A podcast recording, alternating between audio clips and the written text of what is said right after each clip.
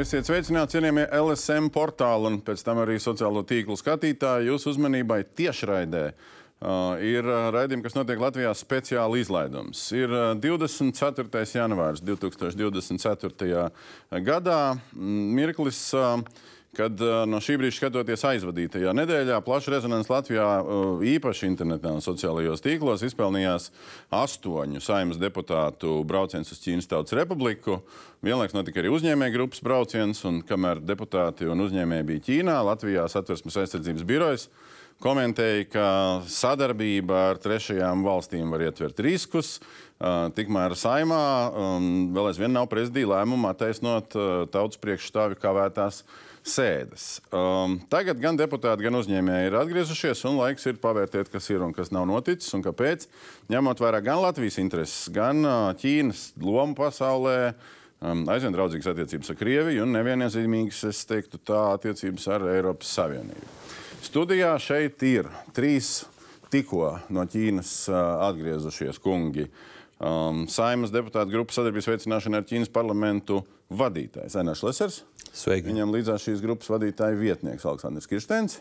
Un uh, uzņēmēju grupas, nu arī tā kā vadītājs varētu tā saukt. Viņš arī Tirzniecības un Rūpniecības kameras prezidents Aigars Rostovskis. Sveicināti. Labdien! Uh, iepratīm viņiem trīs uh, politikas un starptautisko attiecību komentētāji, kas nebija uh, Ķīnā. Uh, ārlietu ministriju aicinājām uz šo sarunu vērtēt uh, starptautiskās attiecības, un ministrija deleģēja īpašo uzdevumu vēstnieci Baiba Bražai. Labdien. Līdzās viņai vēl viens no šīs pašas sadarbībā ar Ķīnas parlamentu deputātiem. Tātad astoņi aizbrauca, kopā grupā ir 18. Viens no tiem, kas neaizbrauca, deputāts no progresīviem Ervins Labanovskis. Sveiki. Un vēstnieks bijušais dažādās valstīs no Latvijas puses kā pārstāvis ne Ķīnā bet uh, vairākās Eiropas valstīs uh, un apvienotajās nācijās bijušais diplomāts Gins Jēgermans. Labdien! Um, Labdien! Šlezerkungs, sāksim uh, ar to kopbildi. Noteikti mēs nonāksim pie kāda rezultāta, mēs nonāksim pie tā, kā tas viss brauciens tapa un, un, un, un kurš ko skaņoja, neskaņoja. Bet kopumā Latvijas vienotā ārpolitika, tā skaitā, kuru veido arī parlaments, un šis brauciens, kuru nu, nebija nekādā veidā akceptējis un devis uzdevumu prezidijas saimnes, neviena komisija. Kā jūs redzat, viņš ietilps Latvijas vienotā ārpolitikā? Pirmkārt, pirmo reizi uz Ķīnu es devos kopā ar Vairvītu Freibergu. Ja nemaldos, no 2004. gadā. Un, un man bija iespēja redzēt, kā notiek šādas vizītes un kas tur notiek šajās vizītēs. Kas attiecas uz Freibergas vizīti, un šī vizīte ir divas pilnīgi dažādas status. Jā. Kas attiecās par šo vizīti, es teikšu tā. Es Latvijas un Ķīnas sadarbības grupā nebiju Uh, uzreiz. Praktiski es pievienojos šai grupai tikai pagājušā gada septembrī, tad, kad nomainījās Krišjāņa Kariņa valdība. Es izrādīju interesi. Un, uh, tie deputāti, kas darbojas šajā grupā, vienbalsīgi atbalstīja manu kandidatūru kā šīs sadarbības grupas vadītāja lomā. Jautājums par braucienu. Tas Paga ir Latvijas ārpolitikas sastāvdaļa. Pagaidiet, tad sadalīsim divas lietas. Ir ministrijas, ir vēstniecības un ir deputāti. Un tāpēc ir tā deputātu sadarbība, kurā uh, ietilpst ne tikai pozīcijas deputāti, bet arī opozīcijas. Mēs neesam daļa no valdības. Mēs esam daudzkārtīgi aicinājuši ārlietu ministru Kariņu uz sarunām, uz saimu. Viņš nekad nav nācis.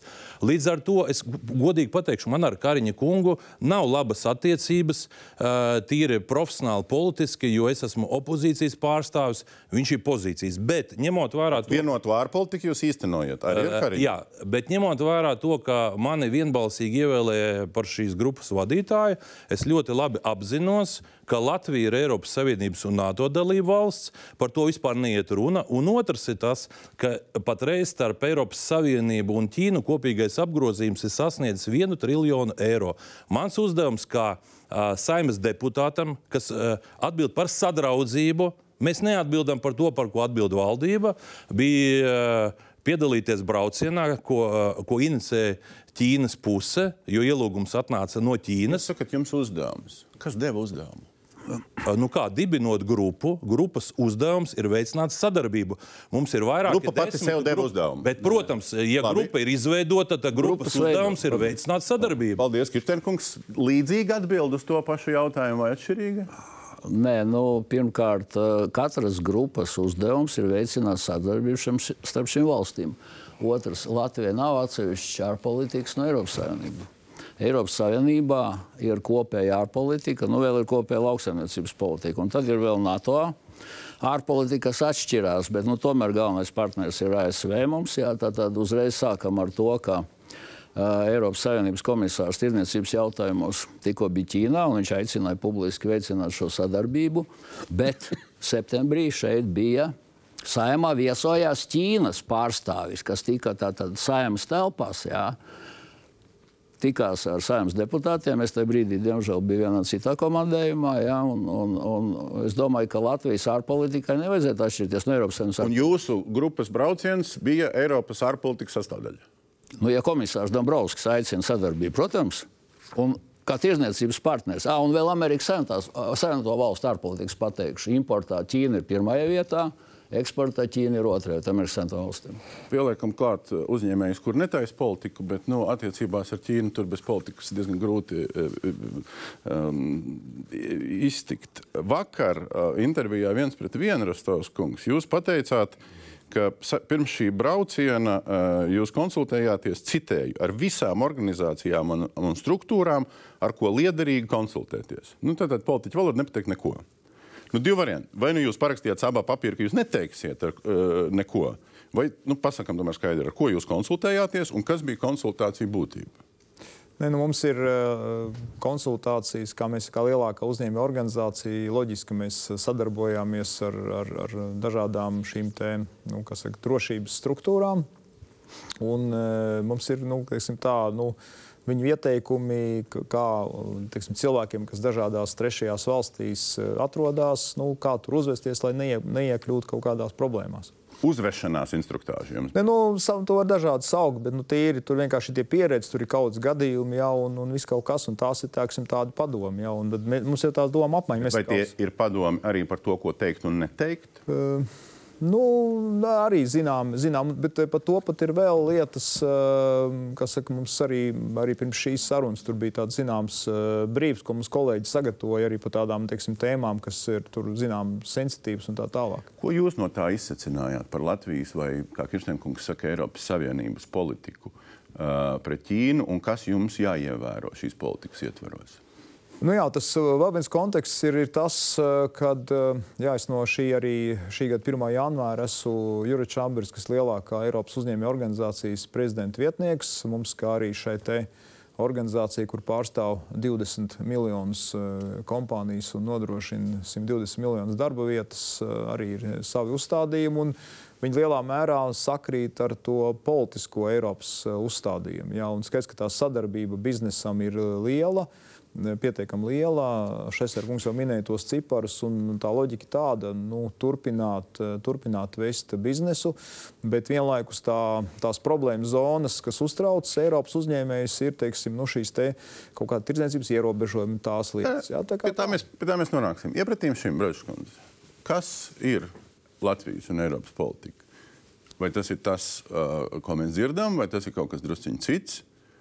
Un, uh, vai ārlietu ministrija, uh, nu, stāvot malā no šī brauciena, es nosaucu to tā, teiksim, nu, tur saskata kaut ko, vērtējām, vienkārši mēs stāvam malā.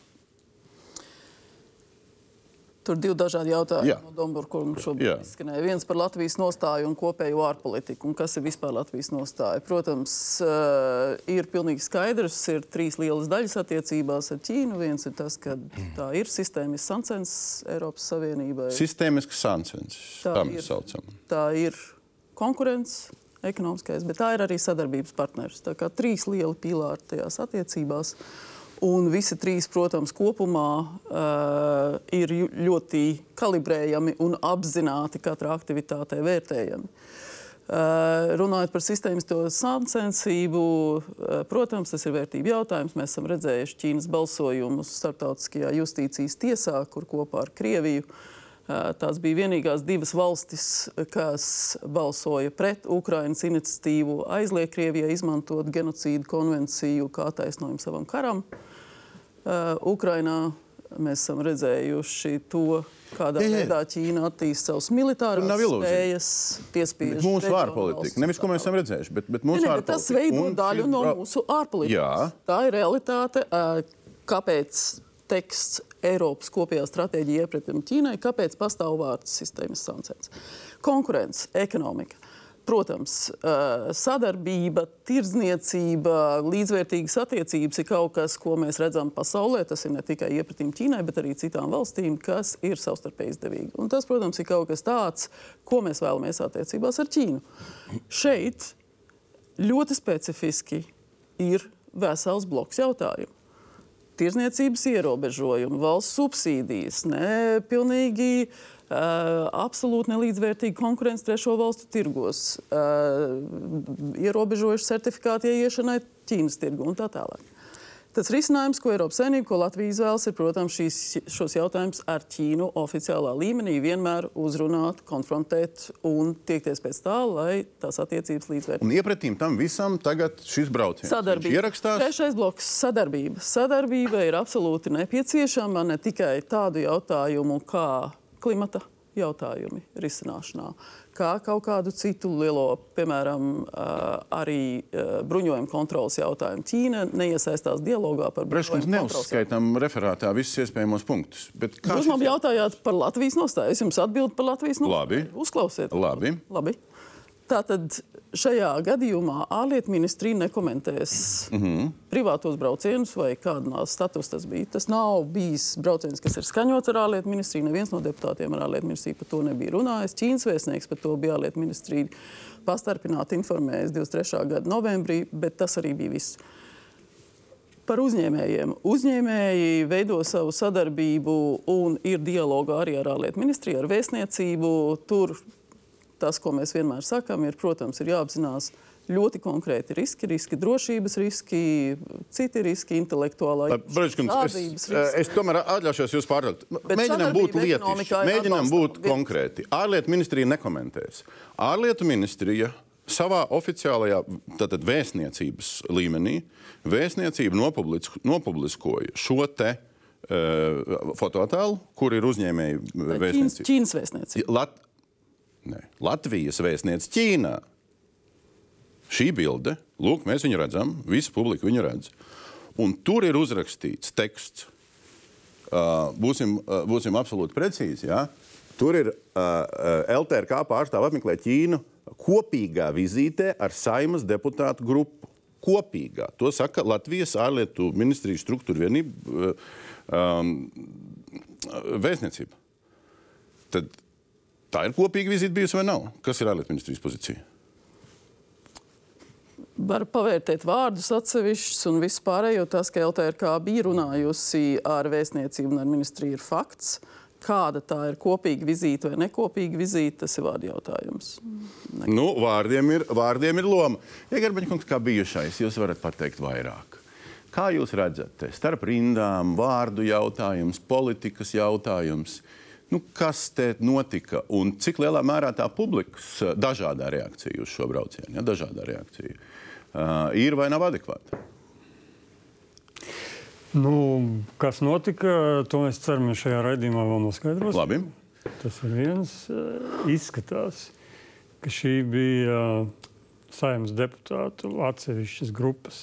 Tad nevis kā saimnes pārstāvis, bet atsevišķas grupas vizīte. Daļas daļas. Jā, tad, tad, kuriem bija kaut kāda sava iemesla, kāpēc tur doties.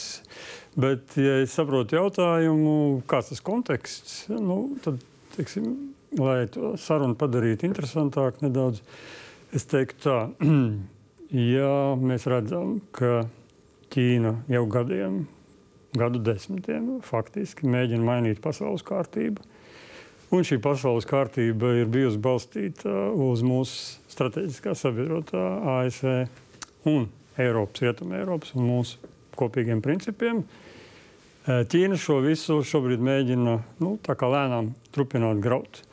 šajā kontekstā arī šī vizīte ir jāmēģina analizēt. Un tad, kad mēs nonāksim tālāk pie tā, kas... ir jāmēģina analizēt, ka šī vizīte ir Ķīnas politikas daļa attiecībā uz problēmu radīšanu Latvijai.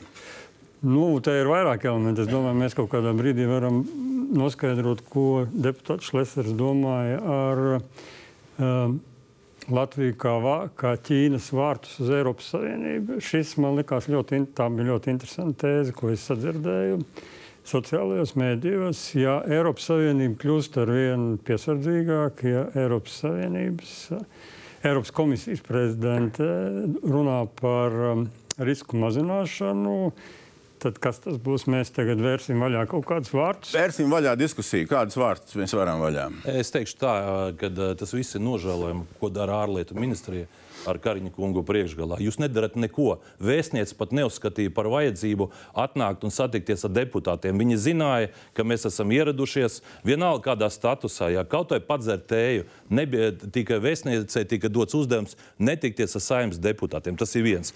Kas attiecas par vārtiem. Es, es esmu, jā, par, par vārtiem. vārtiem. Es esmu ievēlēts saimā kā tautas pārstāvis. Par mani nobalsoja vēlētāji. Es realizēju to politiku, ko es esmu solījis saviem vēlētājiem pirms vēlēšanas. Tad, kad mēs tikām ievēlēti, mums bija sarunas ar drošības dienestu pārstāvjiem. Visiem deputātiem obligātā kārtā viņi tikās. Un bija runa arī par Ķīnu, lai būtu pilnīgi skaidrs. Un viņa teica, tā, ka sadarbībā ar Ķīnu ir jāņem vērā, ka ir kaut kādas lietas, par kurām jums ir jābūt informētiem, kur ir bažas. Visi saimnes deputāti tika noinformēti. Arī es tiku noinformēts. Un skaidrs ir viens, jāievēro stingri Latvijas satversme un likumi, nedrīkst tos pārkāpt bet divpusējās ekonomiskās sadarbības ir jāveicina. Ja Eiropas Savienībai un Ķīnai ir viens triljons apgrozījums, Latvijā ir apmēram 200 uzņēmumi, kuri šodien strādā ar Ķīnu par vārtiem. Es atbildēšu, jā, jā, jā to vajag. Tāpēc, ka vārti, ko tas nozīmē? Latvija ir daļa no Eiropas Savienības. Tas, ko mēs piedāvājām, mēs skaidri teicām, mums ir piecas ekonomiskās zonas, no kurām viena ir visa Latgala patreiz un trīs ostas. Runa par to, nāciet, ražojiet savus preces Latvijā, tirgojiet Eiropā tās, ko jūs jau šodien tirgojat Vācijā, Francijā un citur. Radiet darba vietas, ja, lai cilvēki Respektīvi, jūs strādāt. sakat, ka ir jābūt vārtiem. Nē, pagaidiet, bet tas, tā ir retorika. Domburkungs, es pabeigšu. Ne jau fiziski stāvēs tagad kāds pie vārtiem. Mēs esam vārti, jo mēs esam daļa no atvērtā Eiropas Savienības tirgus.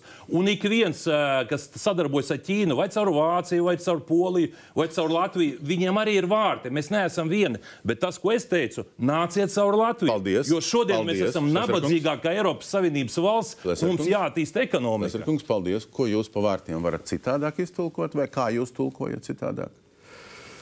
Nu, tas ir ļoti garš stāsts, kas ir Ķīnas ekonomiskā politika. Īsā versijā ļoti. Īsā versijā. Tā ir valsts, kas ir radījusi ļoti iespaidīgu spiegu tīklu, ekonomisko spiegošanu. Uh, tā ir valsts, kas ļoti metodiski mēģina uztaustīt eh, Eiropas Savienībā, citās valstīs, eh, kas ir šo valstu interesantie punkti. Faktiski visa ekonomika ir pakļauta nacionālās drošības interesēm.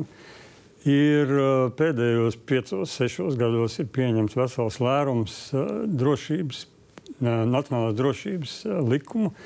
Viens no šiem likumiem, piemēram, ir par izlūkdienas darbību. Un saskaņā ar šo likumu Ķīnas uzņēmējiem, Ķīnas pilsoņiem ir pienākums sadarboties ar Ķīnas izlūkdienestiem. Līdz ar to jebkurš Ķīnas uzņēmējs, kas šeit darbosies, nenoliedzami strādās komunistiskās partijas interesēs.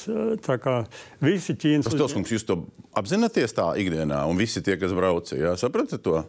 Nu, varbūt, ne, varbūt ne detaļās, bet lielās līnijās eh, mēs esam ļoti praktiski pie zemes pietuvināti cilvēki. Mēs saprotam, un es domāju, ka to vairāk vai mazāk saprot arī Eiropas uzņēmēji. Bet tur ir tā lieta, kā Brāžas kundze tur teica, tur ir tie trīs vairāk tie pilāri. Ja, un, eh, un tie lēmumi ir tādi, ka ir jāsadarbojas, un tā ir tieši tā. Tā ir konkurence, nu, un, konkurence un, un vienlaikus sadarbība. Tas nav, tas nav viegls vingrinājums. Jā.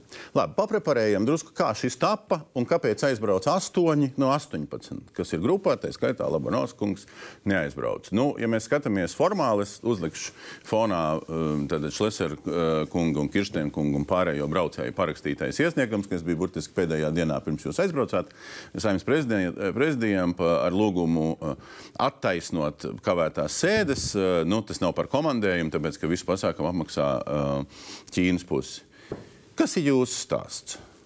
Nu, drusku de facto svētdien tas izskanēja, bet nu, bija garākā versijā. Kurā mirklī jūs uh, nu, uzzināt par šo potenciālo braucienu, un kurā mirklī jūs nezinu, nu, atsakaties vai kā tas notiek? Nu, vispirms es vēlos pateikt, ka uh, šādas sadarbības grupas un braucieni ir nepieciešami, un tā ir daļa no publiskās diplomātijas. Un tad jau mēs ejam tālāk. Ļoti svarīgi, uh, kā tas tiek izdarīts. Nu, šajā gadījumā ir daudz problēmas tieši šo braucienu. Uh, Jo nu, es teiktu, ka ir aizbraukusi daļa no sadarbības grupas, jo pārējā daļa nav tikusi iesaistīta. Nav tikusi iesaistīta. Melojat. Pa, ļaujiet pateikt. Ļaujiet pateikt. Melojat. Jūs ļaujiet melojat, tad varētu. Ļaujiet. Tātad, es, protams, esmu samērā jauns deputāts, kas ir no septembra, bet es līdz šim brīdim neesmu redzējis pasākumu programmu. Arī man kolēģi Skaidrīta Ābrama, kas ir jau ilgāk, arī nav redzējis programmu. Nav sanākusi darba grupa, kas šo programmu izvērtētu, vienoties par vienādiem teiksim, mērķiem, ko mēs šajā vizītē vēlamies uh, sasniegt. Un iet tālāk, kā tas būtu normāli. Kad jūs, darīts. kad jūs es, tā uzzinājāt? Jā, es esmu šo uzzinājis. Uh, nu, no, uh, no citiem, ka klīst runas ar Šlesneru kungu, mēs saimnes plenārsēdē tā kā mutiski aprunājāmies, kur es arī informēju, ka labprāt būtu jāsanāk sadarbības grupai un korektā veidā šis būtu jāorganizē. Un tad šādi runājot, piemēram, ka parlamentā mēs nu, vienojamies par konsensusu, kas ir tās ziņas, ko mēs gribam dot uz āru. Jo Ķīna ir ļoti nopietns partners, un viņi, ja, protams, apmaksājot arī šādas vizītes, izmanto to saviem mērķiem. Un mums tas jāapzinās, mums ir jā, jāuzliek šajā komunikācijā, nevis jāiet viņu narratīvā, bet jāpasēl arī savi jautājumi. Un tas tika izdarīts. Mel, meli tādi, jā. Tātad es kā grupas vadītājs, kuru vienbalsīgi atbalsta tie visi, gan pozīcijas, gan opozīcijas deputāti, tad, kad Krause tika ievēlēts par ministru. Mans darba princips ir tāds. Ļoti bieži cilvēki atnāk pie galda, kaut ko runā un beigās nesaprot, ko sarunā. Es satikos ar katru no deputātiem un uzdevu jautājumu, kā jūs redzat sadarbību. Piemēram, ar Judina kungu no vienotības. Viņš skaidri pateica, ka kamēr karš nebeigsies Ukrainā, viņš neplāno nekur braukt un neko darīt, ka viņš ir formāli grupā. Labi. Kur, kur meli šeit? Ne. Runa par to, es izrunāju ar visiem grupas deputātiem, ar Ābrams kundzi. Es katru individuāli paprasīju, kādu redzi. Pagaidām, ļaujiet pabeigt. Tad es izrunāju ar visiem. Un Ābrams kundze sākumā teica, nē, bet tad viņa piekrita. Līga kļāva viņa piekrita. Pirmā Andris Bērziņš sākumā teica, ka viņam tas laiks nedara, viņš nebrauks. Bet tad, pateikšu godīgi, daži deputāti pašās beigās, tad, kad mēs jau gatavojam braucienu, jo nebija jau saņemta vēl gala, gala programma, jo tas izrietēja izējot no grupas sastāvā un tā tālāk. Ābrams kundze, nu, progresīvie pateica, nebrauks, un Kļaviņas kundze arī pateica, ka nebrauks. Jo, jo es godīgi viņai paprasīju, saku, kas ir par iemeslu. Viņa saka, nu, svarīgi saskaņot ar drošības dienestiem. Es saku, mēs esam jau tikušies ar droši, drošības dienestiem. Tas bija savu veidu, droši vien kaut kāda ziņa tika saņemta, kāpēc nebrauc. Un līdz ar to man pārmest, ka es neesmu runājis ar deputātiem, tas nav korekti. Arī jums es prasīju, ka jūs pašās beigās arī uh, piebiedrojaties, ka jūs brauksiet, nebrauksiet. Jūs teicāt sākumā tā kā jā, pēc tam nē. Kā, nu, ko, kā mēs varam sadarboties, ja deputāti negrib sadarboties? Līdz ar to, kā lieciet pretī savu, lieciet, lieciet pretī savu, savu. sadarboties. Nu, Tātad ir kaut kādas uh, procedūras, kuras nevar apstrīdēt. Kāds kaut ko teicis, kād, kāds kaut ko dzirdējis, un dažādi interpretācijas, un saukt to par meliem.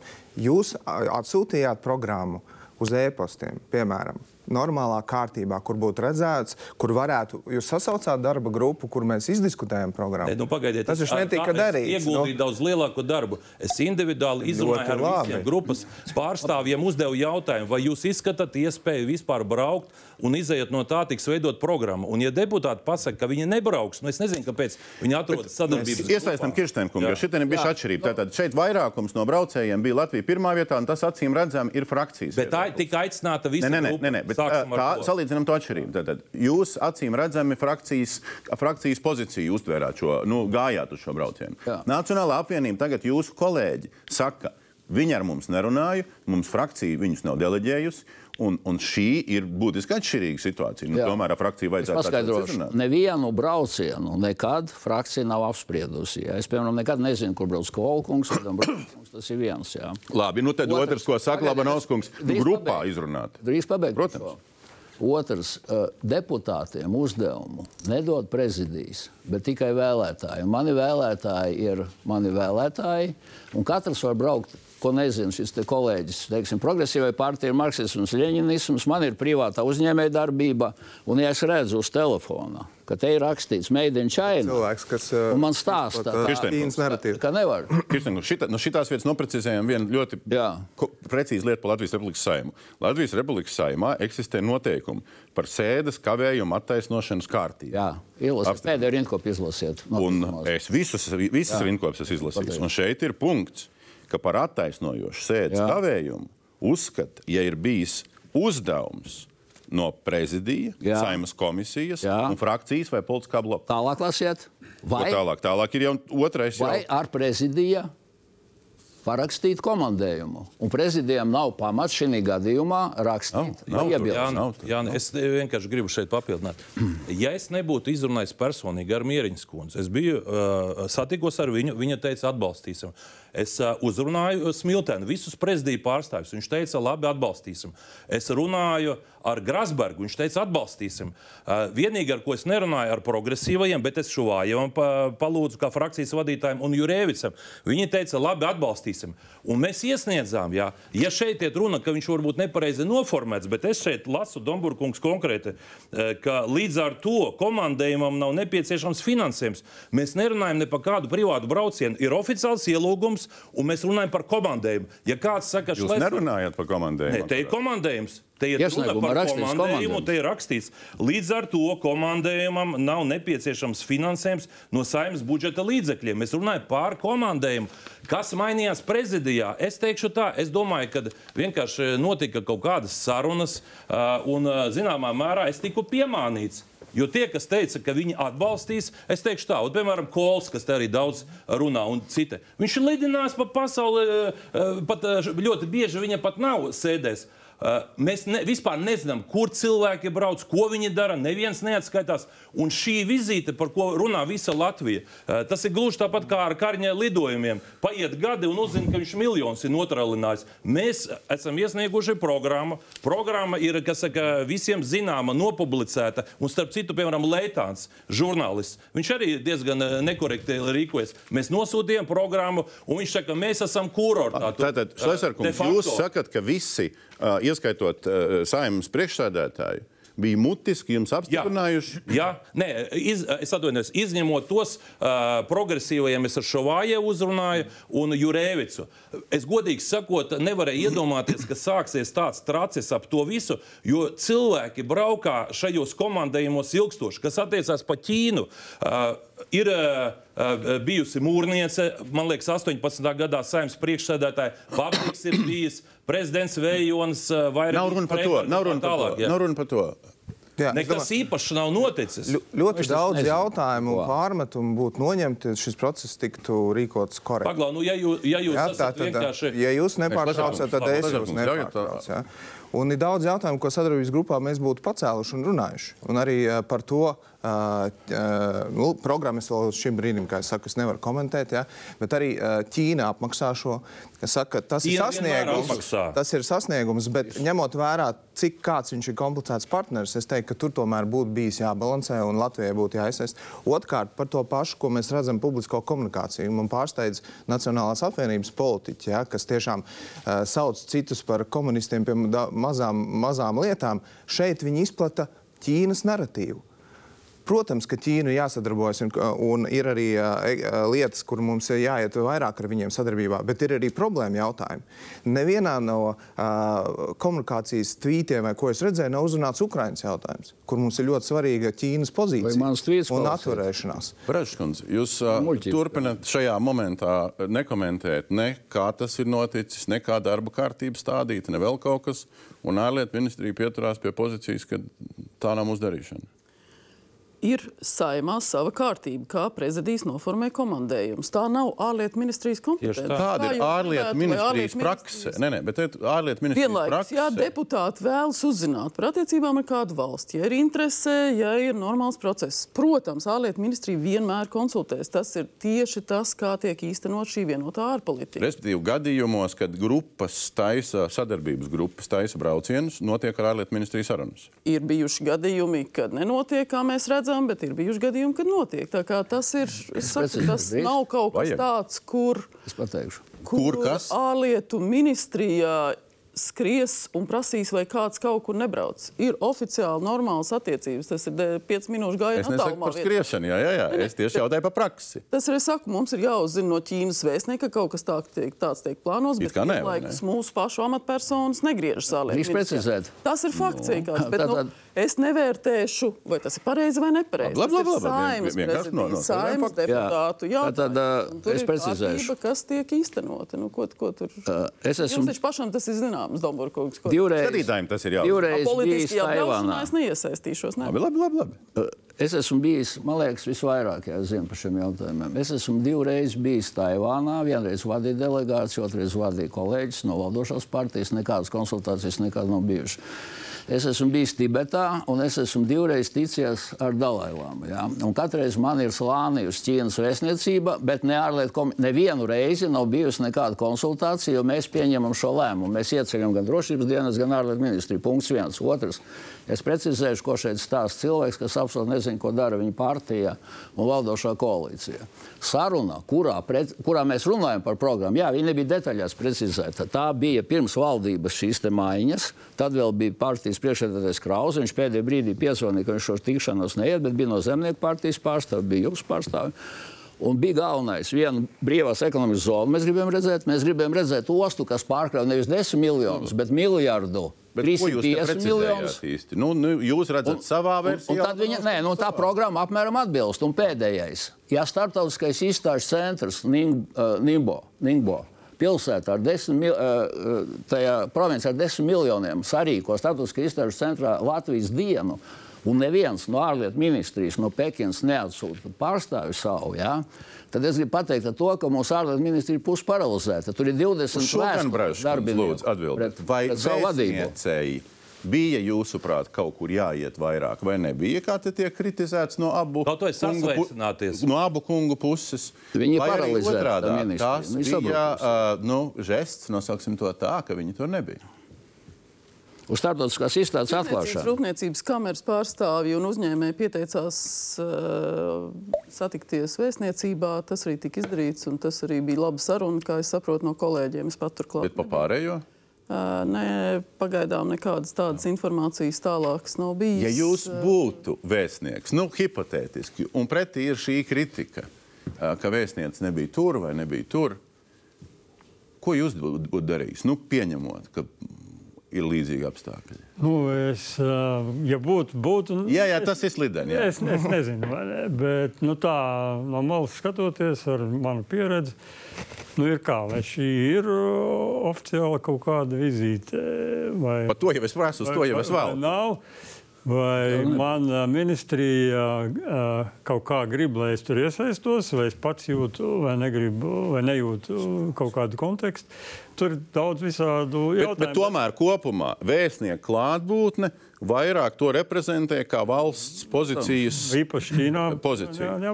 Parunājam par saturu. Politiskā Jā, pozīcija saturu. un, un, un ekonomiskā pozīcija un ar to rezultātu. Tātad ir tāds nopublicēts Ķīnas uh, ārlietu ministrijas ļoti īss uh, paziņojums, relīze, ka tikās uh, Šlesers ar viņu attiecīgas tur, uh, komitejas vadītāju un apmainījās ar uh, viedokļiem, kā padziļināt divpusējās attiecības.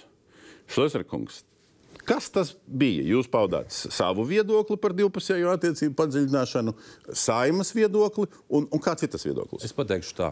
Ņemot vērā, ka tie ir kolēģi, kas politikā nesen, es arī kādu laiku nebiju, bet man bija iespēja būt uh, Ķīnā, kā es sākumā teicu, gan ar prezidentu Vairoviču Freibergu, gan kā satiksmes Tas ir ministru. konkrēts jautājums, ko jūs 15. datumā runājāt. Nevis otrreiz stāstīt, ka jūs bijāt ar vairāk Es, es atbildu tā, es uh, uh, vadu patreiz uh, sadarbības grupu starp parlamentu Latvijā un Ķīnā. Ko jūs runājāt ar to cilvēku? Es varu atbildēt, jā.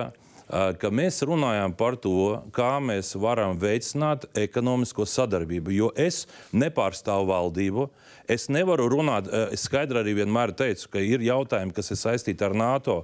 Tā, tā, tā nav mūsu kompetence. Eiropas Savienības jautājumi nav kompetence tikai un vienīgi divpusēja Latvijas un Ķīnas uh, sadarbības jautājumi. Tā kā, kā mēs padziļināsim?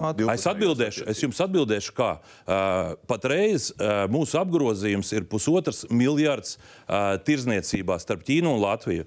Uh, tirzniecības rūpniecības, es atvainojos, uh, darba devēja konfederācija un, un, un, un kas, kas, kas bija pārstāvēta. Tur bija arī uzņēmumi un tā tālāk. Es informēju, saku, mums interesē, lai tas iesāktais biznesa attīstītos, lai šajā gadījumā. Kā padziļinās politika? Es varu atbildēt, ja, ka Ķīnā pēdējo piecu gadu laikā, no 18. gada, kopš Kariņš ir premjerministrs, vispār praktiski vizītes nav bijušas. Padziļinās, ar ko darot? Politiski. Ko darot? Ārkārtīgi vienkārši. Jātiekas, ir jārunā, jāmeklē Runājot. sadarbības iespējas. Piedod, eh, Jāne, es nezinu, kāds tev ir telefons, bet lielākā daļa izmanto Apple, kuru ražo uh, Ķīnā. Ir jārunā. Mercedes uh, arī ražo Ķīnā. Daudzas preces ražo. Kungs, paldies. Eiropa drīkst, Braž. mēs nedrīkstam. Bražkungs. Vecā Eiropa. Vai mūsu ārpolitika politika ir padziļināt divpusējās attiecības, un, ja jā, tad kā? Mūsu ārpolitika ietver paust tos viedokļus, kas ir daļa no vienotas mūsu ārpolitikas mm -hmm. attiecībā uz drošības politiku, attiecībā uz, uz uh, Ķīnas uh, kiberuzbrukumiem, attiecībā uz Ķīnas un Krievijas naidīgajiem informatīviem uzbrukumiem NATO un sabiedrotiem. Viss tas ietver sevī pilnīgi visu. Tur ekonomika nevar tikt atdalīta tikai no visa pārējā. Un, ja mēs runājam par vienotu ārpolitiku, tieši to arī ietver publiska komunikācija, tieši to ietver uh, sarunu tēmas, tieši šīs tēmas. Un arī, protams, ir sevišķi mūsu uzņēmējiem ir pilnīgi skaidrs tās ja mēs gribam, lai tiktu atcelt šie ierobežotie certifikācija, vai tas ir putnu gaļai, vai tiktu vienkāršots kuģu koku eksporta un atgrieztos pie normāla eksporta uz Ķīnu. Tas ir panākams tikai oficiālā ceļā. Jūs Tur var mēģināt. Man ir jautājums, mēģināt. Kundzei. Es jā, gribētu, ka jūs man nepārtraucat ar saviem politiskajiem, politiskajiem statementiem un klaigāšanu. Tā kā viss labi. Un, savukārt mūsu uzņēmējiem ļoti specifiski ir jāapzinās sevišķi intelektuālā īpašuma nozagšanas riski. It sevišķi tas, ka Ķīnas subsidētie projekti izspiež mūsu uzņēmējus no trešo valstu tirgiem ar to, ka tiek radīts piedāvājums, kas ir lētāks, bet ne jau tāpēc, ka tas ir lētāks pēc dabas, bet tāpēc, ka tās ir subsīdijas. Šie, šī visa teiksim, kopējā nostādne, protams, ir tas, ko mēs sagaidām, ka Latvijas amatpersonas paudīs savus vienotas ārpolitikas īstenošanas uh, rezultātā, lai panāktu gan uzņēmējiem atvieglotu darbu, gan arī tas, ka mēs īstenosim kopējās nostājas. Bet, bet, bet, bet, bet tad precizējam. Rīt saimā ir, rīt saimā ir ārlietu Jā, debates. Es izvilku tātad, šādu citātu no ārlietu ministra ikgadējā ziņojuma, kas ir deputātiem rīt jāapspriež. Tur ir pāris rinkops par Ķīnu, ko Ķīna dara un, un, un, un pēc tam, ko Eiropas Savienība dara. Un tad ir šis teikums. Latvija turpina īstenot konstruktīvas attiecības uh, un atbilstoši Eiropas kopējai pieejai un Latvijas nacionālajiem interesēm. Un nekas vairāk nav paskaidrots. Mēs tagad tikai no jūsu kaut ko sīkāk uzzinām. Bet tas ir tas, ko es jums minēju. Nu, tur ir daudz vairāk ziņojumā. Tur vajag nav daudz vairāk. Paskatieties, tur ir pat, pat, pat šo slapu un vairāk. Man tikai viens jautājums. Jā, nu, es uzdošu ātri vienu jautājumu. Es atbildēšu Domburkungam uz to, ko viņš jautāja, ka jūs tagad uzzināt, palasiet vairākās vietās ārpolitikas ziņojumu. Nu, tur, šur, tur ir. Bet, protams, ka ir kopīgas intereses. Jo, ja mēs reāli tiešām pasaulē gribam mazināt klimata krīzi, un es pieņemu, ka šeit visi klātesošie pietiekoši nopietni to attiec. Ne tikai Ķīna ir viens no lielākajiem izmešu uh, autoriem pasaulē, bet tā ir arī instrumenti, ņemot vērā autoritāras varas struktūras, kādā veidā tā reāli varētu palīdzēt. Jā, jā bet nu, nezinu, vai uh, Latvija tagad baigi sāks risināt Ķīnas politikas pagriezienu. Ne, bet mēs esam Eiropas Savienības dalībvalsts. Nu, jā, mēs, jā, jā, bet Eiropas, varam... Eiropas ārpolitika bija arī savādāk būvējās. Nē, Jautājums... Tad uh, nedarīt un visu aizliegt, to es saprotu. To mēs darām jau ļoti ilgi. Ir 200 uzņēmumu, kas strādā un apgrozījums ir apmēram pusotra miljarda. Protams, Ķīna pārdot vairāk, bet, bet Lat arī La Latvijas eksports eksports ir simtos miljonu mērāms. Jautājums, Jautājums ir tāds. Ko darīt tiem uzņēmējiem? Es tagad klausos, ko saka ārlietu ministrijas pārstāvji speciālisti. Jā. Piemēram, Grindeks. Viņa eksportē zāles. Kur jūs jautājat, ko darīt Nē, uzņēmējiem? nē, Ko darīt? Jā, drīkst strādāt, nedrīkst. nē. Jo Dombrovskis septembrī pagājušā gadā, kad viesojās Ķīnā, skaidri pateica, ka Eiropas komisārs viņš pārstāv Eiropu. Man liekas, ka Latviju. Drustovs kungs, Tad, uh, uh, šis ir jautājums ir atbildēts. Domburkungs, es Tad gribētu jautājums Jums ir sadarboties vai nē?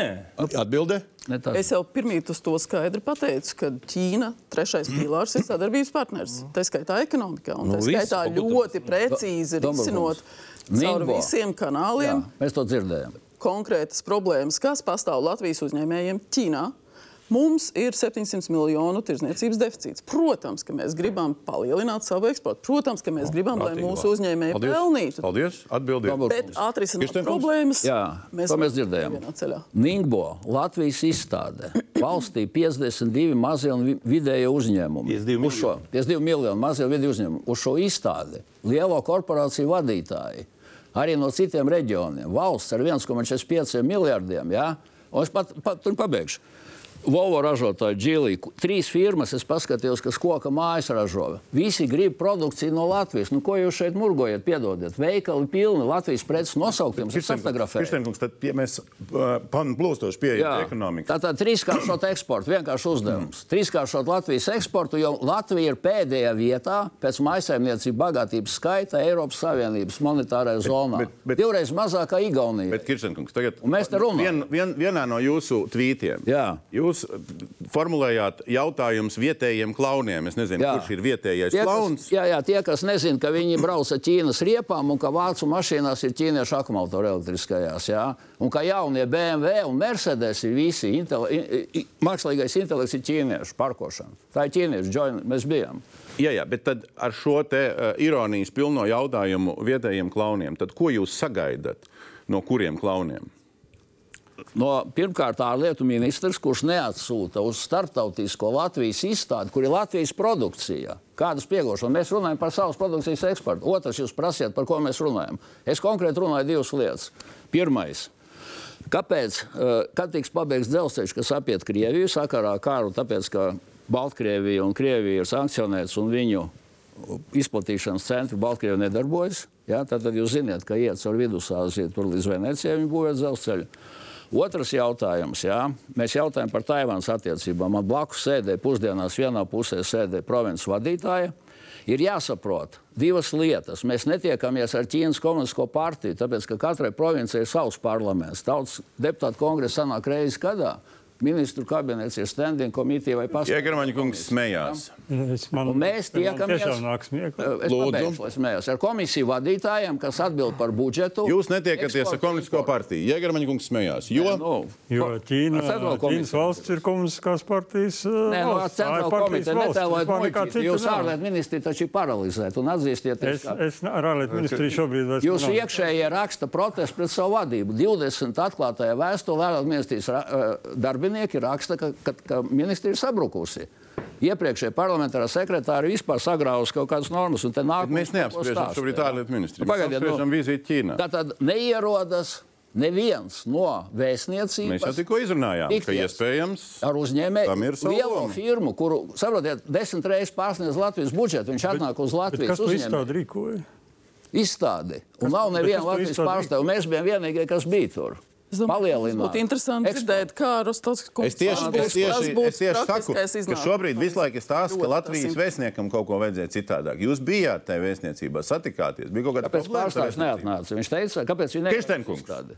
Nu, ļaujiet pajautāt. Nē, nē, nu, vienkārši tas nu, ir- vienkārši ļaujiet pajautāt. Jā? Jūs jau šļūcat apkārt. Jo, protams, jums traucēja kaut kas. Netraucēja nekas. Netraucēja nekas, vēstniecei nevajadzēja nekur iet. Nē, viņi bija pie, nu, viņi- mēs bijām uz vēstniecību, sarunājām, Viņa jums. Un, eh, un tā, bet eh, nu, vienkārši šajā kontekstā, ko es gribu pateikt, tas, kas ir jāsaprot eh, šeit klātesošiem un arī sabiedrībai. Ar ko tad atšķirās uzņēmēji no citām sabiedrības grupām? Uzņēmēji ir riska ņēmēji. Mm. Tie apstākļi ir visdažādākie. Un uh, tie, kas īpaši tie, kas strādā eksporta tirgos, saprot, ka ir vieni tirgi, citi tirgi un tā tālāk. Un ir Ķīnas tirgus. Nu, un, un īpaši tie, kas strādā vairāk vai mazāk apzinās tos riskus. Un, un, un tieši tā, un mums, kā nu, LTRK, kā lielākā uzņēmuma organizācija, skaidrs, ka mums interesē vairāk eksportēt. Nu, no, pa investīcijām mēs tā kā tas nav mūsu stāsts. Līdz ar to Tad, kad es saņēmu uzaicinājumu no Ķīnas vēstnieka, kurš ir ļoti aktīvs, viņš sāk redzēt pirms četriem mēnešiem, es viņam teicu, ja būs uzņēmēja intereses, tad mēs brauksim. Ja nebūs, tad mēs nebrauksim. Jā, bet, nu, tagad, bet tagad uh, paskatāmies skaitļus. Un, un, un, nu, tātad šeit ir importa eksporta skaitļi. Tas pa 11 mēnešiem, ja, kas ir savilkts šobrīd. Imports ir tur cik reizes vairāk kā eksports - 806 miljoni pret 109 miljoniem. Nu, septītā vietā, septītā vietā Ķīna ir importā, un tur ap 20. kurām tur eksportā. Un tagad, ja pretī tam noliek, nu, visu to atvēzienu, par ko mēs šeit runājam, ja, tā uzņēmēja brigāde, kas tur bija, nu, es teiktu, no lieliem uh, uzņēmumiem, nu, labi, Riga Port, uh, varbūt varētu kvalificēt kā lielu savā nozarē, ja, Rietumbanka, jā, savā nozarē liela. Nu, tālāk, nu, lai viņi man visu piedod, ja? bet nu, katrā ziņā nu, tie nav giganti, kas tur aizbrauca jūsu tajā. Dati novecojuši. Eksports mums ir jau pār 200 miljoniem pēdējais. Tikko. E. Eksports pār 200 miljoniem kādā periodā? Lūdzu? No Latvijas pagājušā gadā. Jau dati ir Ķīnas tirdzniecības kamerai. Viņi... À, jūs Ķīnas datus skatāt? No importa. Nu, jā, nu, Latvijas dati tas tā. Labi, tā, tā, tā, tā brigāde nebija tāda, kas nu, milzīgu, milzīgu atvēzienu un, un nozaru līderi. Bet Dabūrūs, tā, tā situācija ir tāda, nu, eh, respektīvi, uzņēmēji ir ļoti racionāli cilvēki. Jā.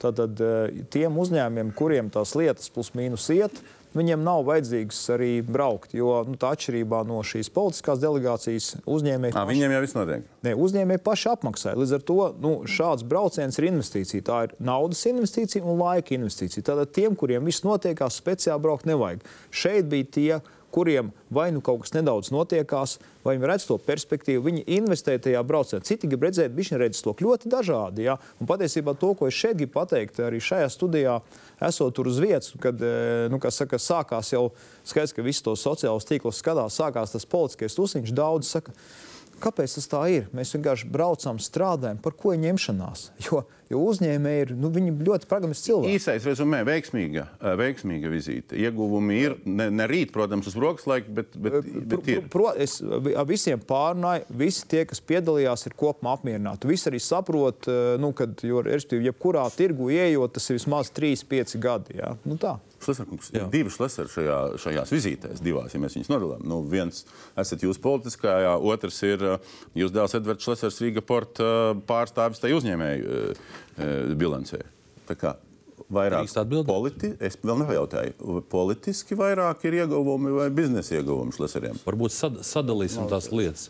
Kas attiecas par Eduardu, viņam ir 30 gadi. Viņš ir bijis daudzās vizītēs, tā skaitā Ķīnā, tad, kad bija uh, premjera. Premjera straujuma. Viņš arī piedalījās uh, uzņēmēju vizītē. Viņš ir bijis jautājumu. Uh, Indijas vizītē. Es pateikšu atklāti to, ko teica Rastovs kungs. Tie uzņēmumi, kas izrādīja interesi, starp citu, nu, runāsim atklāti. Viņiem viens ir biļetes, bija jāapmaksā dzīvošana, bet arī tirzniecības rūpniecības, kā, atvainu, jā, viņiem bija jākoordinē, un tur bija zināma maksa arī par to, lai to sagatavotu. Ja? Un katrs, kas brauc, viņš maksāja par šo vizīti. Ja es nemaldos, tie bija apmēram 1000 eiro, jo ir darbs ieguldījis no kameras puses, lai to sagatavotu. Un viņš brauca. Jautājums bija politiski ieguvumi vairāk šleseriem vai biznesa ieguvumi? Es, te, es teikšu tā, ka uh, manai ģimenei pieder uzņēmums. Uh, kuram uh, ir interese sadarboties ar daudzām pasaules valstīm. Ja notiek šāda vizīte, tad manam dēlam ir tiesības saka, apmaksāt pašam vizīti un braukt, kur viņš grib. Bet kas attiecās par, par iegūmiem, es pateikšu, kā politiskās partijas līderis. Es uzskatu, ka Latvijai ir jārealizē tā politika, ko, ko skaidri definē Eiropas komisārs Dombrovskis. Ķīna ir sarežģīts partners, bet ar Ķīnu jāsadarbojas. Un es ceru, ka, ja šodien ir 200 uzņēmumi, ka pēc kāda laika būs 400, 500 uzņēmumi, un mēs strādāsim ne tikai Ķīnu, bet ar visām pasaules valstīm. Paldies. Uh, uh, un tagad pieķeroties tam vārdam, ko jūs pateicāt, ka nu, investīcijas kaut kā, tā kā mazāk nekā tirzniecība. Nu, tā jūs pirms brīža Nē, nu, tas. L- LTRK vienkārši tās trīs eh, virzieni, kur mēs strādājam. Tas ir eksports, Jā, jā, jā. tas ir eh, biznesa vide un tas ir konkurence. Investī... Par investīcijām Latvija Jā. atbild Es investīcijas. gribētu vienu mazu sadaļu par tēmu Ķīnas investīcijas Latvijā un Eiropā. Ja? Jo tas ir jautājums, kas arī Eiropā, nu, netik maigi izsakoties, netik viennozīmīgi tiek, uh, tiek uh, interpretēts. Viens mazs video no Šlesera kunga uzstāšanās, ko jūsu partija ielika arī sociālajos tīklos, tajā uh, Ningbo pasākumā uh, saistībā ar investīcijām. to increase cooperation and to offer Latvia like a gateway to European Union because uh, we believe that now in this new world there uh, we have to look for new opportunities, new logistic possibilities, and I guess that Latvia can be a great place. Uh, how Nimbo can extend activities uh, within Europe, and therefore we want to welcome Chinese companies to come to Latvia, use the opportunities of special economical zones where there are no any import tariffs. And plus, we want that Chinese companies can come and do production of their goods to get certificate of EU in Latvia because we are EU zone and we are Schengen zone. Mēs aicinām Ķīnas intention uzņēmumus, is to- to uh, otrais cooperation. nespēlējam. uh, Ķīnas uzņēmumus uh, investēt Latvijas ostās. Tas ir arī LTRK un uh, ārlietu ministrijas pozīcija. Var, uh, Nē, nē, nu, ļaujiet, nu, mēs tikko noklausījāmies jūsu pozīciju. Es vēlreiz Komentējiet. atbildēšu, ka LTRK strādā trijos virzienos. Palīdz biedriem eksportēt, strādā šeit ar lokālo biznesa vidi un palīdz biedriem būt konkurētspējīgiem. Mēs par investīcijām neatbildam. Protams, ka individuāli uzņēmumu līmenī, ja, ja kāds uzņēmums satiekās un veidojās kaut kādas attiecības, kur notiek jau tādā nu, konkrētā līmenī šīs investīcijas, un tas ir daļa no kaut kāda procesa. Eiropā ir sarunas, nu, tur Hamburgas ostā, piemēram, ir, ir sarunas par to kritiskā infrastruktūru, cik lielu procentu uzņēmēji no Ķīnas var dabūt investīcijas. Tur ir diezgan slidens tas jautājums. Mums ir pozīcija par mūsu ostām. Ir uh, spe... vēlreiz tas ir atkarīgs no konkrētā projekta. Protams. Neapšaubām, tā kā jūs teicāt. Uh, attiecīgi tie kriteriji, kā tas tiek vērtēts, ne tikai Latvijā, bet visā Eiropas Savienībā, vai tie ir kritiski, riski kritiskai infrastruktūrai, vai tie ir riski kaut kādi citi, kādu pievienoto vērtību tas dod.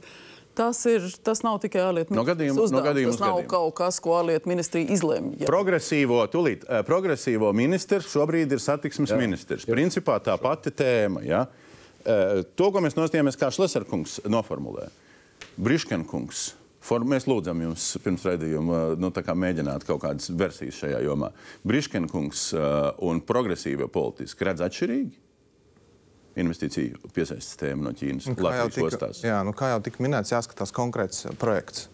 Un tad ir, kā jebkura sadarbība, ko minēja, mēs sadarbību nenogriežam, bet mēs vērtējam riskus un iegūmus, un viņiem jābūt izvērtētiem. Tagad mēs runājam tā ļoti vispārīgi. Bet šādi vispārīgi Briškens parakstās, nu, primitīvi, Ne, nu, progresīvie parakstās zem tā, ko Šlesarkungs pateica. Vai nē? Tik vienkārši jautājums. Šis vispārīgais var ietvert kādus uh, pēc tam konkrētus kontaktus un projektus, un tad viņi ir jāskatās. Šī brīdī pateikt, jā, nē, vai jā, nav Līdzās bija iespējams. Kirstenkungs. Atšķirīga pozīcija. Tātad nekādā gadījumā neko nepārdot, bet izmantot. Ko nozīmē investēt? Viena lieta ir, ka jūs kaut ko pārdodiet, un viņš šeit investē naudu. Otra lieta ir Kosko, ceturtā lielākā kuģniecības uh, firma pasaulē, kurai kantors Gdaņskā viņi izkrauj Jā. preces un Tallinā.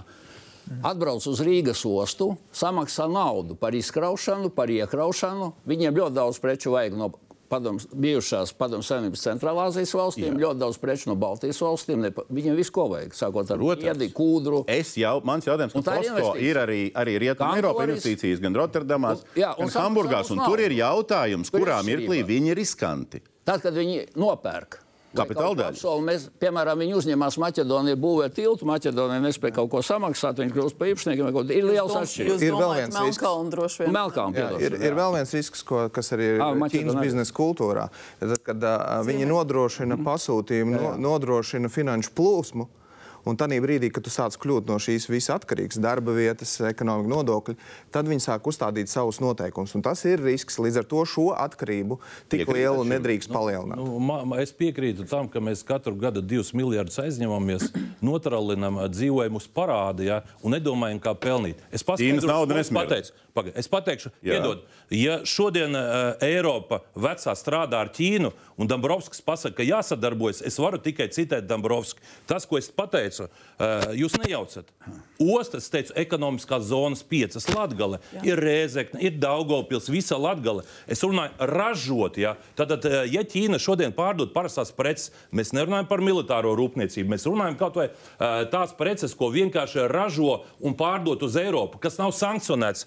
A, a, Vediet saka, tās preces uz šejieni un ražojiet tie priekš Eiropas. Ekonomiskās zonas tā jau darbojas. Tu atved kaut kādas konkrētas preces. Būvējiet terminālus ostā, tā skaitā.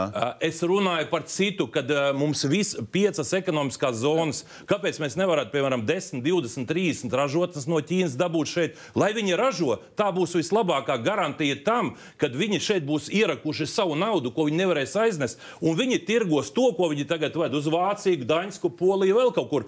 Kāpēc, lai Reizekne, Daugopilī vai Liepājā vai Ventspilī vai Rīgas speciālā ekonomiskā zonā viņi nevarētu taisīt Rostovs kungs raujās pie vārda. Mēs no savas puses esam uh, valsts augstākām amatpersonām definējuši desmit uh, nu, lielākās valstis, kur mēs gribētu veikt mūsu biedru ekspansiju. Tad uh, no šīm te, tā teikt, trešajām valstīm tur ir Kazahstāna, apvienotā Emirāta un, un Ķīna, bet ir arī Somija, Zviedrija, ASV, Lielbritānija, Vācija. Un es ļoti gribētu, kad šī tikpat jaudīgi Latvijas politiķi, kas saka, taisītu intervences tajās valstīs, mēs ļoti to gribētu un novēlēt, tas tā notiktos. Šī tikpat jaudīga, cik jaudīga kādā aspektā. Nu, nu, teiksim, kā tagad ir, kā mēs runājam par Ķīnu, tas viss, ka mēs runātu šeit, kad mēs esam Amerikā un politiķi brauc un ver durvis vaļā un viss notiekās un uzņēmēji braucat līdzi un Vācijā tāpat darbotos un Par Somijā. tām Zviedrijā. Ja nebūtu uzņēmēja vizīte, jūs visu laiku sakat, bija atsevišķa, ja nebūtu politiķa vizīte, ar ko atšķirtos tā uzņēmēja vizīte? Kādas durvis jums atvēra eh, šī grupa? Nē, nu, lielā mērā neatšķirtos. Pr- Protams, ir jāsaprot, ka nu, tajās valstīs, kur ir nu, tāds režīms, eh, nu, var teikt, autoritārāks vai centralizētāks, tur ir, nu, teiksim, tā kā Ķīnā, tur ir tie. Kaut kāda apmēram 10% no ekonomikas ir eh, valsts uzņēmumi. Jā, nu, tur ir milzīga šī te Nu, Neaizmirstam. Iegermaņa kunga teikto par to, ka Bet, visi eh, uzņēmēji bet nē, ir bet, ļoti nu, tuvu nē, nu. Tas ir skaidrs, bet nu, es, nu, skaidrs, ka pie kaut kādām nosacījumiem noteikti viņi kļūst tuvu, bet tādā ikdienas līmenī, nu, tur tādā, nu, kas tur, tur kas saka, nu, ka kāds tur tirgo, nezinu, kaut kādas tur mēbeles, nu, par viņiem sāk interesēties, ja kaut ko konkrēti vajag. Ja, bet tā ir tā daļa no tās ris, risku vadības. Ja. Par riskiem bija, Man bija sakāms par Dombrovska kungu. Dombrovska kungs savu dialogu ar Ķīnu veids visu kopējo Eiropas Savienības dialogu, oficiālā dialoga ietveros. Tas ir ietver sevī visus trīs pīlārus. Vienmēr Dombrovska kungs uzstājoties Ķīnā, palasiet drošība, riski, Pareizi. cilvēktiesības, Ukraina. Visu pilnu kompleksu. Tas ir tas, ko dara Dombrovskis. Ko jūs pateicāt tas, par Ukrainu un par cilvēktiesībām un par uh, draudzību Un ar Dabrovska uh, kungs nebrauc par Ķīnas naudu. To arī es gribētu pateikt. Arī taisnība. Bet uh, kādu prezidenti, naudu? prezidenti Naudu uh, Naudu. deputāti, Savienība mums pa kādu naudu brauc? komandējumu ietveros. Prezidenta Kādu naudu Vairvīķa Freiberga, pa kādu naudu brauc? Mūsu. Zatlers, pa kādu naudu brauc uz Ķīnu? Tās ir oficiālās attiecības. Jā, tieši tā. Ļoti Es biju tajā precīzi. vizītē, es atceros, mēs nemaksājām par to vizīti, jo Ķīna maksāja. Es biju vairs Vīts Freibergas eh, delegācijā 2004. gadā. Tā tas bija. Un uh, saimnes darbinieki pateica, tā ir ierasta praksa, ka Ķīna apmaksā. To mums pateica saimā. Nu, ja darbinieki saimā mums pasaka, nu, ko mēs tad varam tur iebilst vai ne? Tā var pateikt. savā- Runājāt par Jā. Ukrainu. Jā, es par- Jā, es atbildēšu. Tātad es skaidri arī esmu pateicis daudzās sarunās par to, kad Ukrainā notiek karš. Krievijā ir sankcijas, līdz ar to visa pasaule mainās, un mēs apzināmies, ka tas ies uz ilgu laiku. Tad šīs sankciju politika, un Latvija šajā gadījumā ir Eiropas Savienībā un NATO, un uh, mērķis ir meklēt risinājumus. Bet es pateikšu uzreiz, Es neesmu valdības pārstāvis, lai ietu un diskutētu par visiem jautājumiem. Es pārstāvu parlamentu, es esmu konkrētās politiskās partijas līderis. Mans uzdevums šajā vizītē bija skaidri pateikt, neskatoties uz daudzām domstarpībām un ats, atšķirīgiem viedokļiem, ja skatāmies, kur mēs varam arī sadarboties. Un mēs gribam sadarboties tieši tā, kā sadarbojas vecā Eiropa. Mēs gribam, un es pateikšu godīgi, es redzu, kā no Latvijas tagad tiek, uh, tiek baļķi tiek vesti uh, uz Zviedriju, uz dažādām pasaules valstīm. Vedīsim mēbeles. Tad varbūt tās beidzam eksportēt baļķus, bet, bet mēbeles vedam par uh, Ukrainu, Ukrainu jā. un cilvēktiesībām, ne par baļķiem. Jā, tātad kā notiek sarunas, pateikšu.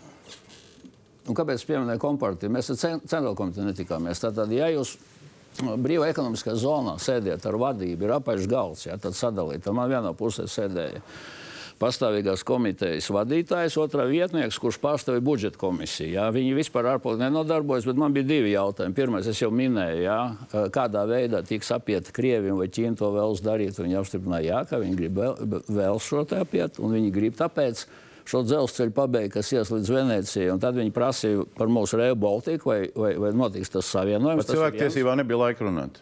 Pagaidiet, otrs bija par Taivānu. Varbūt jūs neziniet, bet Ķīna arī ir problēmas liels. Un šajā reģionā Ķīna konkurē ar Singapūru, Dienvidkoreju, Japānu un Taivānu. Šajā brīvā ekonomiskā zonā Taivānas uzņēmēji bija nu, ieguldījuši 200 miljardus. Un tas, ko šeit stāsta un ko es dzirdu, ka Latvijā uzņems, to ķīnieši stāstīja, ka viņiem ir zināmas problēmas ar Taivānas uzņēmējiem. Jo izrādās, vīzu režīms nav, viņi mierīgi nopērk biļeti, atbrauc, investē šajā brīvajā ekonomiskajā zonā, jo viņi tiek uzskatīti kā vienas valsts pilsoņi, viņi tur var darīt, ko grib. Ja? Līdz ar to tie ir jautājumi kurus mēs esam risinājuši. Tad, kad es biju Tibetā, tad, es, jā, tad mēs prasījām, kas ir 4300. Piemēram, es pateikšu trešo jautājumu. Kultūras revolūcijas laikā tika sagrauts 4300 klosteru. Ko jūs šajā vizītē šajos jautājumos atbildējāt? Jā, es uzdevu, kā iet ar šo lietu. A, kā iet? Jā, atbildēju, ka vairāk simti ir atjaunoties. Tagad neesmu bijis. Tas, mēs bijām saimnes delegācijā, tad, tad bija tur tikai kā 300 vai 400 palikuši. Jā, jā sakot, un, tas jautājums un tā ir provinču vadība. Arī no Nacionālās apvienības puses, kas viss rāmē par komunistiem, bet tajā pašā laikā dodas uz komunistisku valsti un nerunā par tām problēmām, kuras eksistē mūsu sastāvdaļā. Jūs runājat par to, ka komunistiskās valsts labumus vajag izmantot nekritiski. Latvijas vēlētāji labumu. Jūsu frakcijā pat nav vienots viedoklis. Jūs kā marksistu pārstāvis, te man stāstiet pasakas, man dod uzdevumu vēlētāji, un viņi prasa, kāpēc mēs esam pēdējā vietā. Eiropas Savienība. Es atbildu, tāpēc, ka ir šāda valdība un ka ir jāmaina kurs. Mēs redzam, un es domāju, ka vēlētāji redz jūsu katru pozīcijas. Jā. Mēģinām norizumēt uh, to sarunu caur, manuprāt, caur tiem riskiem. Uh, tas citāts, ko uh, Satversmes aizsardzības birojas publiski pateica saistībā ar Ķīnas interesēm, um, bija. Izmetot um, savus telefonus, jā. Bija, Var, var būt uh, arī mērķiecīgi mēģinājumi veidot ilglaicīgus kontaktus ar konkrētām personām, kam ir zināšanas, ietekme vai piekļuve informācijai. Nu, uh, kaut kur sasaucās Iegramaņkungs ar to, ko jūs teicāt. Un no otras puses, nu, ir šī loģika. Eiropa tirgojās, mēs arī tirgojamies un tirgosimies.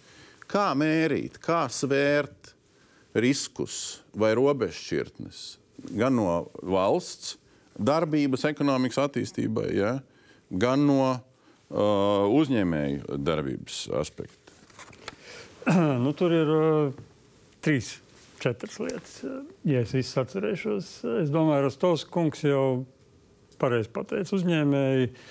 Ir riskētāji. Iet uz risku. Un, nu, mēs arī redzējām, teiksim, tad, kad Ķīnas vadītājs bija ASV, San Francisco pagājušajā gadā. Tur viņš tika uzņemts biznesa vidē, bija liela tikšanās.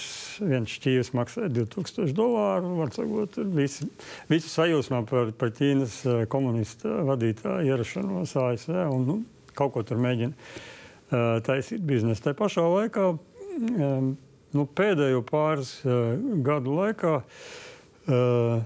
cilvēki, kas domā par investīcijām, Āzijā un Ķīnā, viņi sāk ierēķināt uh, ģeopolitiskos riskus savos aprēķinos. Uh, investori uh, pēdējā gada laikā Ķīnā investīcijas ir gājušas strauji uz leju. Respektīvi, parādās zināma piesardzība. Protams, ir daudz biznesa, kas, eh, kas turpina strādāt, un viņi gribētu to, to darīt, bet nu, tā nākotnes aina ir diezgan acīm redzama.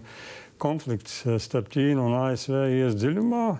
Un, nu, diez, diezgan liela varbūtība ir, ka, ka veidosies kaut kādas, ja ne, ja ne gluži nodalītas, tad uh, paralēlās pasaules, kur teiksim, būs vienā galā būs ASV ar tās uh, atbalstītājiem, un, un otrā pusē būs, būs Ķīna ar saviem atbalstītājiem. Tā būs kaut kāda trešā pasaules daļa, kas mēģinās lavierēt. Bet šī nodalīšanās neapšaubāmi nu, viņa, viņa iet, uz, iet uz kaut kādiem nākotnes lielākiem konfliktiem. Un šis konflikts savā ziņā ir, ir, ir neizbēgams, jo mums ir darīšana ar divām savstarpēji nesavietojamām sistēmām. Un, un ķīnieši pēdējā kongresā Ķīnas vadītājs skaidri un gaiši pateica, Būs grūti laiki, vajadzīgs cīņas spars, jāgatavojas uz lielāku sacensību. Ķīnieši diezgan skaidri pasaka, mūsu sistēma ir pārāka. Mēs ar to pārējo liberālo demokrātisko pasauli mēģināsim tikt kaut kādā veidā galā. Respektīvi, šis konflikts ies plašumā.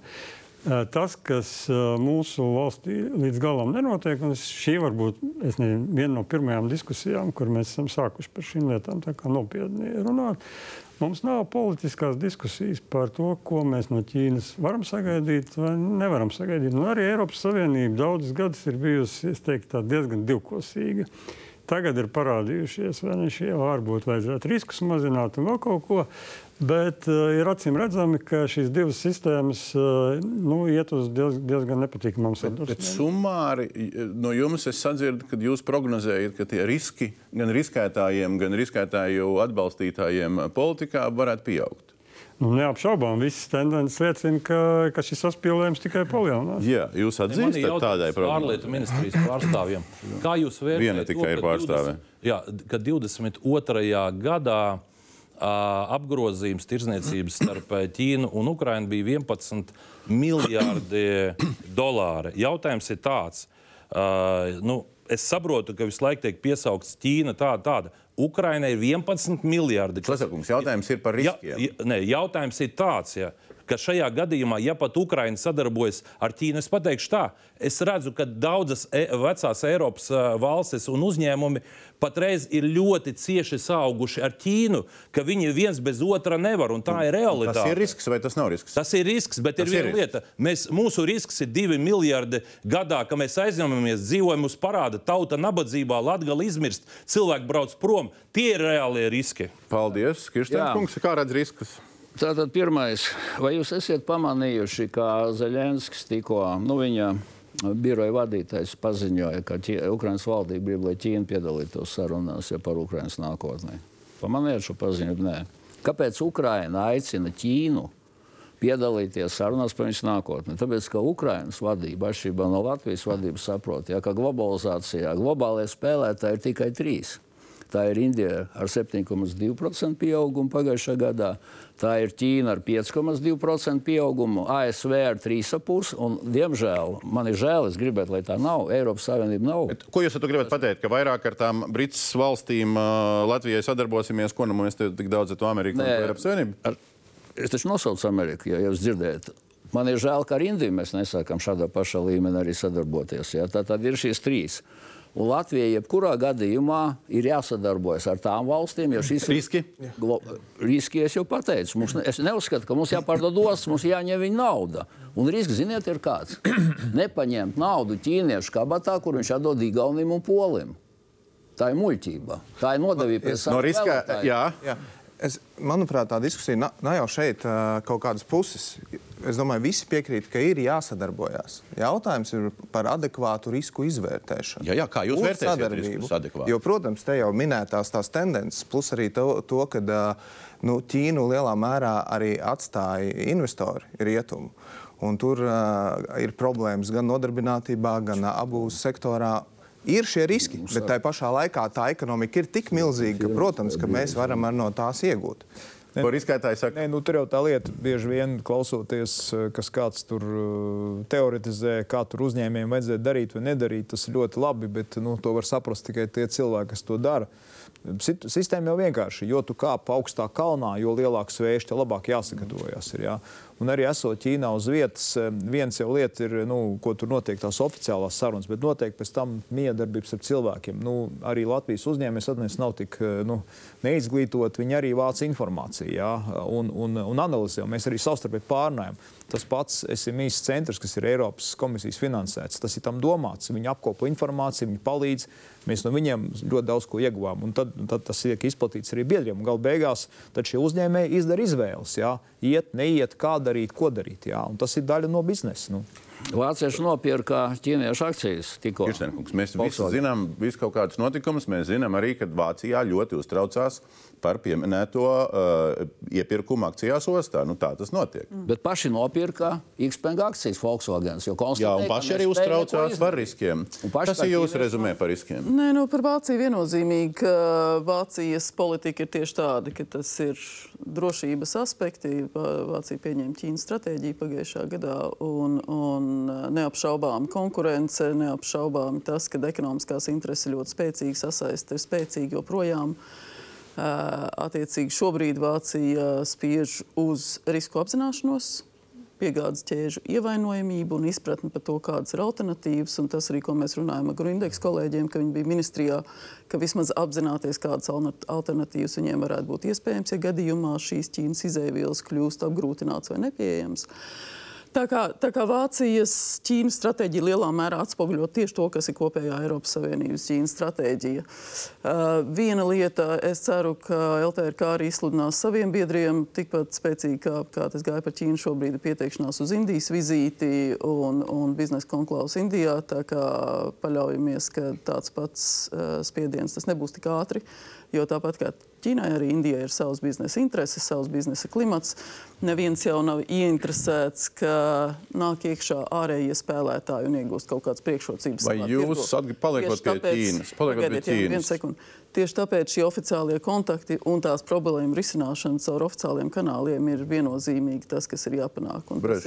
Divpusēji, bet tas ir galvenais spiediens. Protams, ārējā tirzniecība ir ES kompetence. Tieši caur ES kompetenci, caur, caur Dombrovsku. Brečkam ceturto reizi. Vai jūs piekrītat tam, ko Iegermaņa kungs teica, ka riski tikai palielināsies Ķīnas sakarā? Viennozīmīgi. Viennozīmīgi. Tas, ka, tas, ka Ķīnas, Krievijas šis te bezlimitu partnerība, kas atspoguļojas tādā, ka Ķīna vienā brīdī nav nosodījusi iebrukumu Ukrajinā, kā es teicu, balsojumu dažādās tiešām pēc būtības eh, izšķirošās institūcijās, ne tikai politiskas rezolūcijas un tā tālāk. Ķīna attīst savus kodolspējas, kas 2035. gadā būs ASV līmenī lielākā, lielākie jūras spēki, lielākā armija, vispārējais absolūts transparences trūkums par to, ko viņi dara, neiesaistīšanās dialogā par šiem jautājumiem. Tas viss nav tikai sagadīšanās jautājums. Un tas ir tas, kāpēc mēs sakām, visi trīs pīlāri neapšaubāmi jāņem vērā. Un no vērtību viedokļa, protams, visas amatpersonas, kas ir visi saimnes deputāti, īsteno Latvijas ārpolitiku, un neapšaubām viņiem ir jāpauž vērtību vērtējumi arī Paldies! Jā, man ir Krievijas viens attieksme komentārs. pret Ukrainas karu. Jā. Tātad ā, mēs Baltijā esam visnabadzīgākā valsts, Igaunija visveiksmīgākā, visbagātīgākā pēc oficiāliem cipariem. Tad, kad mēs aizbraucam uz Nimbo, uz lielāko pasaules ostu ar 1,35 miljardu tonu apgrozījumu, mēs redzējām, pirmais numurs ir Tallinas osta. Tur nebija neviena no trim Latvijas ostām. Mēs runājam par bažām. Kā jūs komentēsiet, kad uh, Tallinas osta tiek reklamēta ar numuru viens? Kā jūs komentēsiet? Jā, ko tā uh, Igauni ir Kā jūs komentēsiet? Ko? Ir, ir. Numur viens, es parādīšu, redz, kur. Paldies, Nē, jā. nu, apskatieties, Nezinu, redz, kur. no. Numur viens. Es redzēju, tas. Jā. Kā jūs ir komentēsiet? Viņš neinteresē tas. Nu, ko to? Labāk uz parāda dzīvot. Kirsteina kungs zina, kas man interesē.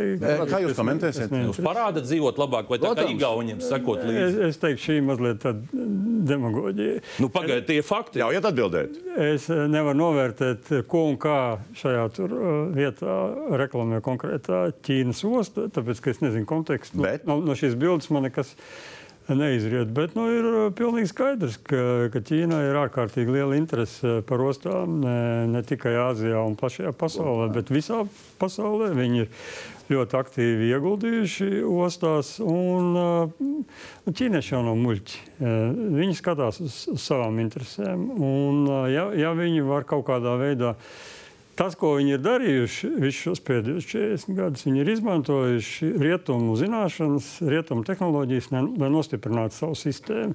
Līdz ar to mēs kļūstam ar vien vairāk atkarīgi no, no, no Ķīnas un nu, būs nepatikšanas. Par Latvijas ostām runājot, es varu konkrēti pie, pie, piemēru arī uh, izstāstīt. Uh, viens no lielākajiem taizemes uzņēmumiem meklē vietu, kur būvēt savu pētrūpnīcu. Uh, apbrauca pilnīgi visas Baltijas ostas, protams, pēc tam arī Poliju, Poliju, Vāciju. Viņu secinājums bija Rīgas ostā absolūti netransparents par īpašumiem, netransparents par procedūrām. Pilnīgi nekas. Viņi teica, mēs tādā vidē iekšā neiesim. Viņi aizgāja uz Klaipēdas ostu.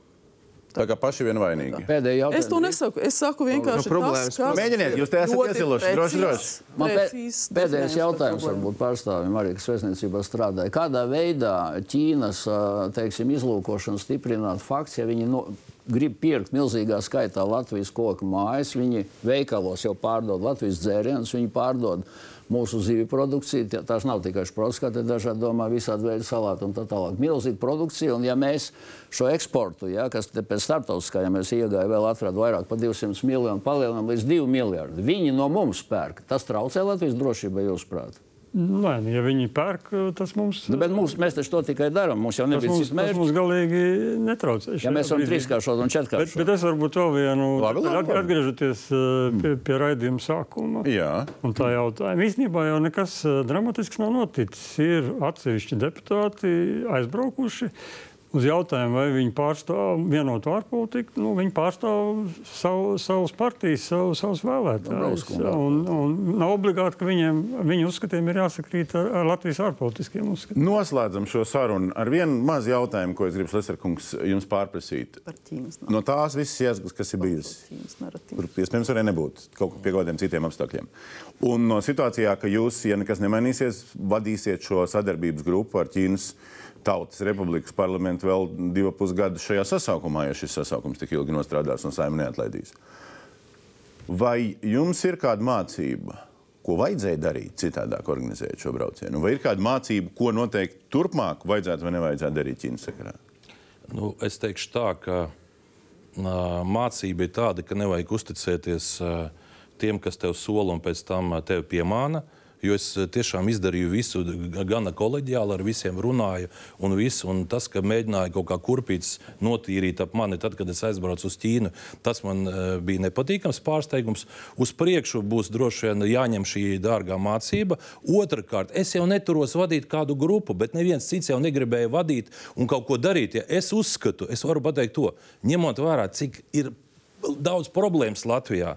Un ņemot vērā, cik slikti šodien strādā, piemēram, uh, valdība satiksmes jomā ar visiem tiem vilcieniem, ar visu pārējo.